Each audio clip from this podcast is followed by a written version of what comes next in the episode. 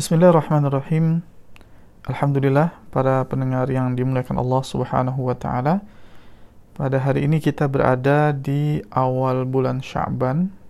Itu maknanya bulan depan kita sudah masuk di bulan Ramadan.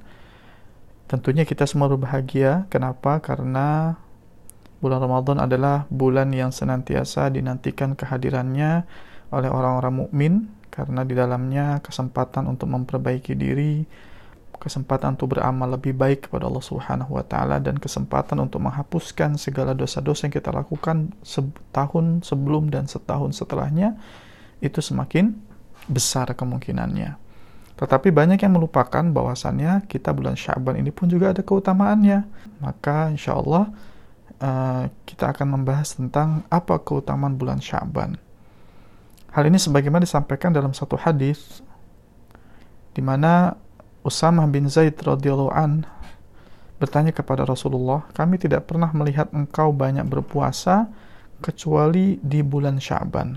Artinya Rasulullah melazimi berpuasa sunnah di bulan-bulan yang lain, tapi sahabat Usamah ini tidak mendapati Rasulullah itu lebih banyak berpuasa selain di bulan Sya'ban.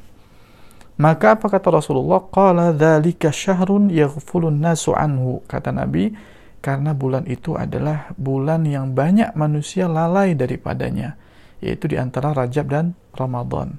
Ya, bulan Sya'ban ini diapit oleh dua bulan suci atau bulan haram yaitu Rajab dan Ramadan. Dan Rasulullah melanjutkan huwa syahrun turfa'u fihi al-a'malu ila rabbil alamin. Dan Sya'ban juga bulan di mana turfa'u fihi al-a'mal. Amalan-amalan itu dilaporkan kepada Allah Subhanahu wa taala. Fa'uhibbu ayyurfa'a amali wa ana sa'imun. Dan aku cinta, aku suka kalau ketika amalanku disampaikan kepada Allah Subhanahu wa taala, dilaporkan kepada Allah Subhanahu wa taala dan aku dalam keadaan berpuasa. Masya Allah, maknanya apa? Maknanya bulan Sya'ban ini adalah bulan di mana amalan kita dilaporkan kepada Allah Subhanahu wa taala, maka pastikan di bulan Sya'ban ini kita memperbanyak amal soleh kita dan Nabi paling banyak berpuasa di bulan Syaban, puasa sunnah tentunya. Kenapa? Karena Rasulullah ingin ketika amalan-amalan itu diangkat kepada Allah Subhanahu wa taala, dilaporkan ke, ke Allah Subhanahu wa taala, beliau sedang berpuasa, memastikan bahwa setiap amalan yang disampaikan kepada Allah Subhanahu wa taala adalah amalan-amalan yang soleh. Maka pendengar yang dimuliakan Allah taala, mari sama-sama kita di bulan Syaban ini di tengah juga apa namanya merebaknya virus corona ini tidak sepatutnya kemudian kita menjadi berlemah diri ya kemudian menjauhi Allah Subhanahu wa taala. Justru bulan Syaban ini sekaligus dengan hadirnya musibah atau ujian berupa virus corona ini semakin mendekatkan diri kita kepada Allah Subhanahu wa taala semakin berpikiran positif terhadap segala takdir Allah tetapkan buat kita.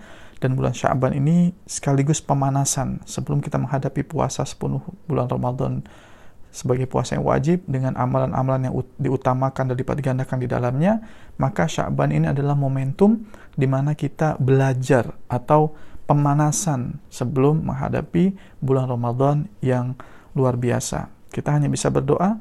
Semoga kita disampaikan oleh Allah Subhanahu wa taala di bulan Ramadan. Pada pendengar yang Allah Subhanahu wa taala, banyak melakukan amal soleh di bulan Syaban. Mudah-mudahan dengan itu pula Allah Subhanahu wa taala menyampaikan kita bertemu dengan bulan bulan Ramadan. Pendengar yang Allah Subhanahu wa taala, ini ada teladan dari Rasulullah SAW tentang bagaimana menyikapi kehadiran bulan Ramadan.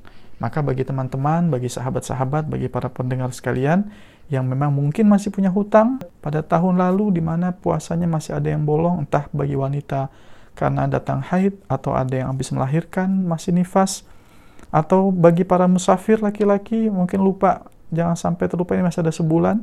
Mungkin tertinggal ketika safar tidak berpuasa. Ini saatnya bulan Syaban kemudian untuk mengganti puasa yang pernah kita tinggalkan. Semoga Allah menjaga kita dalam keistiqomahan dan ketaatan kepadanya dan menyampaikan kita berjumpa dengan bulan Ramadan yang mubarak. Barakallahu fikum. Semoga Allah senantiasa memberkahi kehidupan kita.